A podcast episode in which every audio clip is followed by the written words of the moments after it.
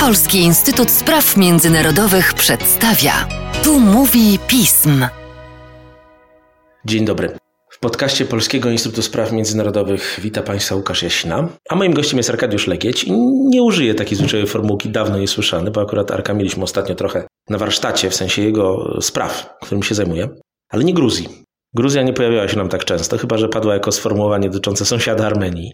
A w Gruzji trochę się działo i nie tyle w sensie działo się kolejnych wyborów, kolejnej zmiany politycznej, ale zajść związanych z tamtejszą paradą równości. Dla tych z Państwa, którzy orientalizują, to bardzo ważna chyba informacja, że również w Tbilisi takie imprezy się odbywają, że odbywają się w ogóle na wschód od Kijowa, ale ta parada miała pewną publicity w Polsce związaną ze zranieniem obywatela polskiego w jej trakcie i myślę, że narosło wokół tego bardzo wiele mitów. Arku, co się tak naprawdę zdarzyło kilka tygodni temu w Tbilisi?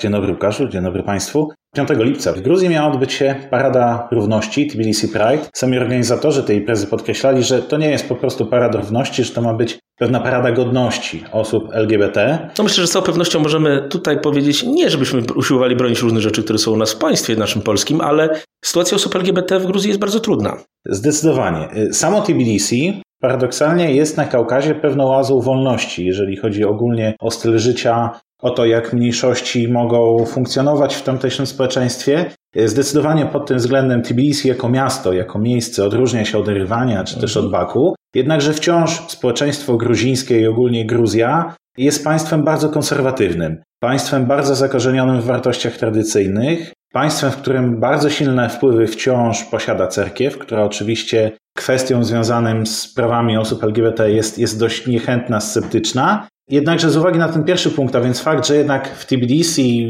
jest tym takim ośrodkiem regionalnym, gdzie są pewne oznaki tej takiej wolności światopoglądowej, już od trzech lat są podejmowane próby, aby tego typu paradę równości czy też Marsz Godności zorganizować. I po raz trzeci ona, ta idea nie dochodzi efektywnie do skutku. Trzy lata temu nie doszła do skutku w związku z protestami, jakie miały miejsce w Tbilisi po tej tak zwanej nocy Gawryłowa, po wizyty rosyjskiej delegacji. Nie miało to związku z osobami LGBT. Nie miało Dla tych z Państwa, którzy nie pamiętają już tej sprawy. Tak, tak, ale o tym również mieliśmy podcast, można odszukać w archiwum. W roku ubiegłym mm, do parady również nie doszło w związku z kontrmanifestacjami mhm. organizacji skrajnie prawicowych, organizacji, które przeciwstawiały się organizacji tego marszu także popieranych, inspirowanych przez gruzińską cerkiew i patriarchę Ilię II.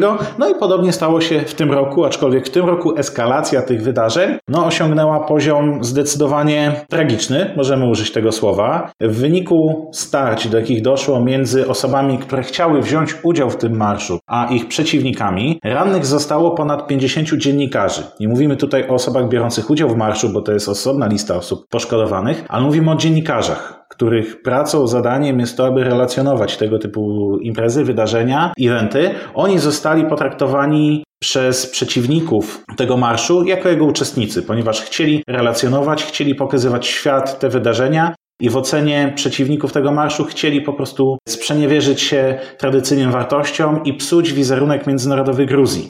Chcieli upowszechniać wizerunek Gruzji jako państwa zepsutego tymi wartościami LGBT, w związku z czym zostali potraktowani na równi z uczestnikami marszu. Dlaczego użyłem słowa tragicznie? Ponieważ oprócz tego, że ponad 50 dziennikarzy zostało pobitych, a jeszcze do tego możemy kilkaset osób doliczyć spośród tych uczestników marszu, no to jeden dziennikarz w wyniku tych zajść możemy powiedzieć, że poniósł śmierć. Odbyły się uroczystości, zresztą ku jego czci stał się symbolem e, walki też nie tylko o kwestię praw osób LGBT, ale w ogóle o to, żeby w Gruzji można było być wolnym dziennikarzem. Wolność prasy i wolność funkcjonowania mediów jest bardzo często przestrzegana w konfliktach zbrojnych, a tutaj mamy do czynienia z sytuacją, kiedy w stolicy państwa prowadzącego proeuropejską politykę, państwa, demokratycznego państwa, demokratycznego państwa, państwa stawiającego na współpracę z Zachodem, z Unią Europejską, z NATO, no doszło do śmierci dziennikarza, kiedy on po prostu wypełnił swoje obowiązki zawodowe i na tym polega cała tragedia. Jednakże ta tragedia ma powiedzmy dwa wymiary. Jeden wymiar jest powiedzmy społeczny i wiąże się z tym, o czym już wcześniej powiedzieliśmy, a więc tym takim silnym zakorzenieniem gruzińskiego społeczeństwa w wartościach konserwatywnych i tym, że pewne środowiska w bardzo zdecydowany sposób postanowiły się przeciwstawić idei tego marszu w tym roku. Do tych środowisk zaliczamy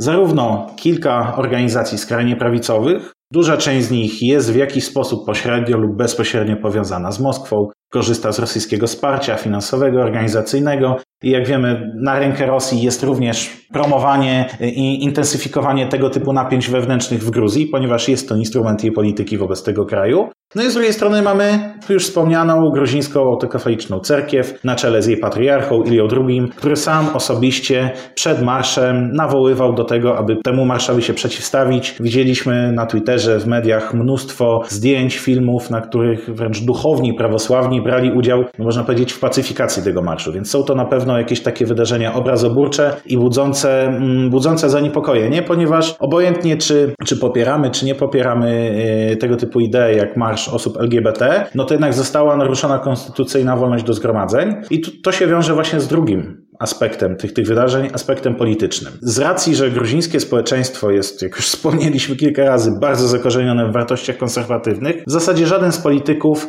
nie ma w taki otwarty sposób interesu, aby tego typu wartości wspierać, promować. W konsekwencji tego premier Gruzji, Irakli Garibashvili, jeszcze przed marszem 5 lipca rano zakomunikował na konferencji prasowej, że on sam osobiście sceptycznie odnosi się do tego typu y, parady, marszu i że po co to w ogóle robić w Tbilisi, jeżeli to budzi takie duże napięcia społeczne, taką dużą niechęć. Po co to w ogóle organizować, że jest to przeciwskuteczne, dając do zrozumienia, że jego stanowisko jest dość sceptyczne wobec tej idei. Jednakże nie był to jedyny problem władzy gruzińskiej, ponieważ kiedy doszło do ataku na tą manifestację i kiedy doszło do tych tragicznych wydarzeń związanych z pobiciem dziennikarzy i uczestników marszu, pojawia się bardzo zasadne pytanie na temat tego, czy państwo gruzińskie dopełniło wszystkich swoich obowiązków w kwestii zapewnienia tej wolności do zgromadzeń osobom, które chciały przemaszerować przez główną ulicę w Tbilisi Tbilisi przez centralny plac w Tbilisi. Wiemy z doświadczenia, że kiedy gruzińska władza była zdeterminowana do tego, żeby zatrzymać opozycyjnych polityków na podstawie prawa i zgodnie z toczonymi postępowaniami w sądach, ale kiedy musiała użyć tego aspektu siłowego, tego aparatu przymusu,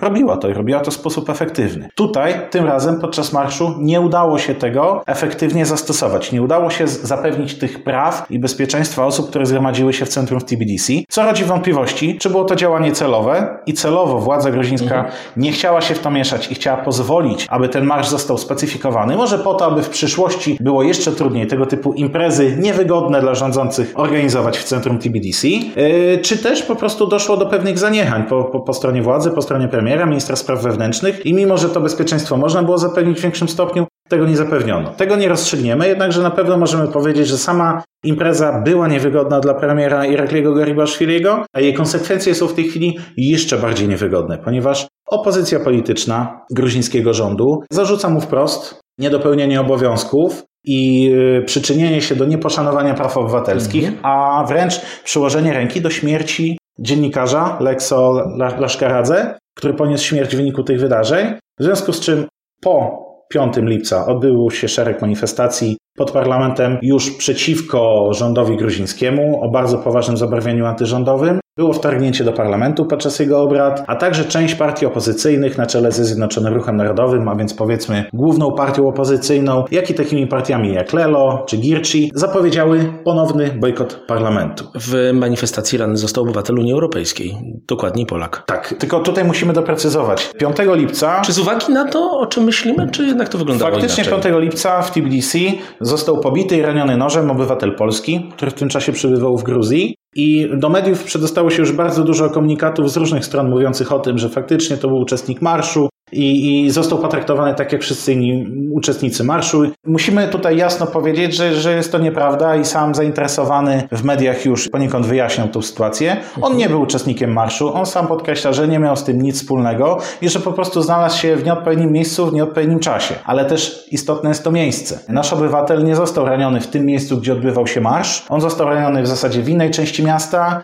Zgodnie z informacjami przedstawionymi przez gruzińską policję, napastnik był niezrównoważony psychicznie i też nie solidaryzował się z postulatami przeciwników tego marszu, więc tutaj możemy mówić o złej koincydencji wypadków, która jednak przez pewne media, pewnych obserwatorów została połączona z, z tymi zajściami, jakie miały miejsce w centrum miasta. My jasno możemy powiedzieć, że, że to były kwestie, które zaistniały w bliskim, zbliżonych miejscach, o tym samym czasie jednakże nie, nie, nie były ze sobą bezpośrednio powiązane. To, co jest istotne w tym wszystkim, to to, że państwo gruzińskie w bardzo zorganizowany sposób zareagowało na, na szkody, jakie poniósł nasz obywatel, ponieważ jak wiemy, turystyka jest bardzo ważną gałęzią gruzińskiej gospodarki. I Która zresztą też jest kwestią ważną dla Polaków. Bardzo wielu Polaków jeździ do Oczywiście, Gruzji. jest to popularny kierunek dla Polaków. Gruzini zdają sobie z tego sprawę i też zależy im na tym, aby tego typu wydarzenia nie, nie położyły się złym PR-em na przyszłość współpracy na tym polu. Dlatego państwo gruzińskie zapewniło opiekę, zapewniło wsparcie naszemu obywatelowi i miejmy nadzieję, że dojdzie on do, do siebie. Aczkolwiek tutaj to zagrożenie wizerunkowe, jakie wiązało się z tym wydarzeniem i w dalszym ciągu będzie ciążyło na rządzie Irakliego Garibaszwiliego, to nie jest jedyny problem, bo, bo, bo, oczywiście przekaz, jaki pójdzie w świat, jest związany z tym, że nie dopełniono pewnych obowiązków, nie zapewniono bezpieczeństwa. Ale drugi czynnik jest taki, że ta sytuacja grozi ponownie powrotem do kryzysu wewnątrz gruzińskiego, kryzysu politycznego. Przez kilka miesięcy, także tutaj na łamach podcastów, relacjonowaliśmy bojkot gruzińskiego parlamentu przez partie opozycyjne i, i, i związane z tym zablokowanie prac y, gruzińskich instytucji państwowych. Kilka miesięcy temu, dzięki mediacjom Unii Europejskiej, udało się ten bojkot zakończyć, udało się zawrzeć porozumienie między rządem i opozycją. Opozycja wróciła do prac parlamentu, jednakże obecnie przeciwnicy, opozycja gruzińskiego premiera, jak i szereg aktywistów związanych z, z, z marszem domagają się dymisji i Rekliego Garibaszwiliego, premiera, i ministra spraw wewnętrznych y, Wachtanga Gomelauriego i w ogóle całego gruzińskiego rządu. Gruzińska partia rządząca, gruzińskie marzenie dysponuje większością w parlamencie, w związku z czym odwołanie premiera czy jakiegokolwiek ministra jest niemożliwe. W związku z czym partie takie jak Zjednoczony Ruch Narodowy czy Lelo zapowiedziały ponownie bojkot parlamentu jako swój wyraz zaniepokojenia sytuacją w Gruzji i sprzeciwu wobec polityki gruzińskiego rządu. To grozi powrotem do stagnacji politycznej w tym kraju, z jaką mieliśmy do czynienia przez kilkanaście miesięcy, co z całą pewnością będzie rodziło ryzyko i dla stabilności samej Gruzji, i dla jej proeuropejskiego kursu w polityce zagranicznej.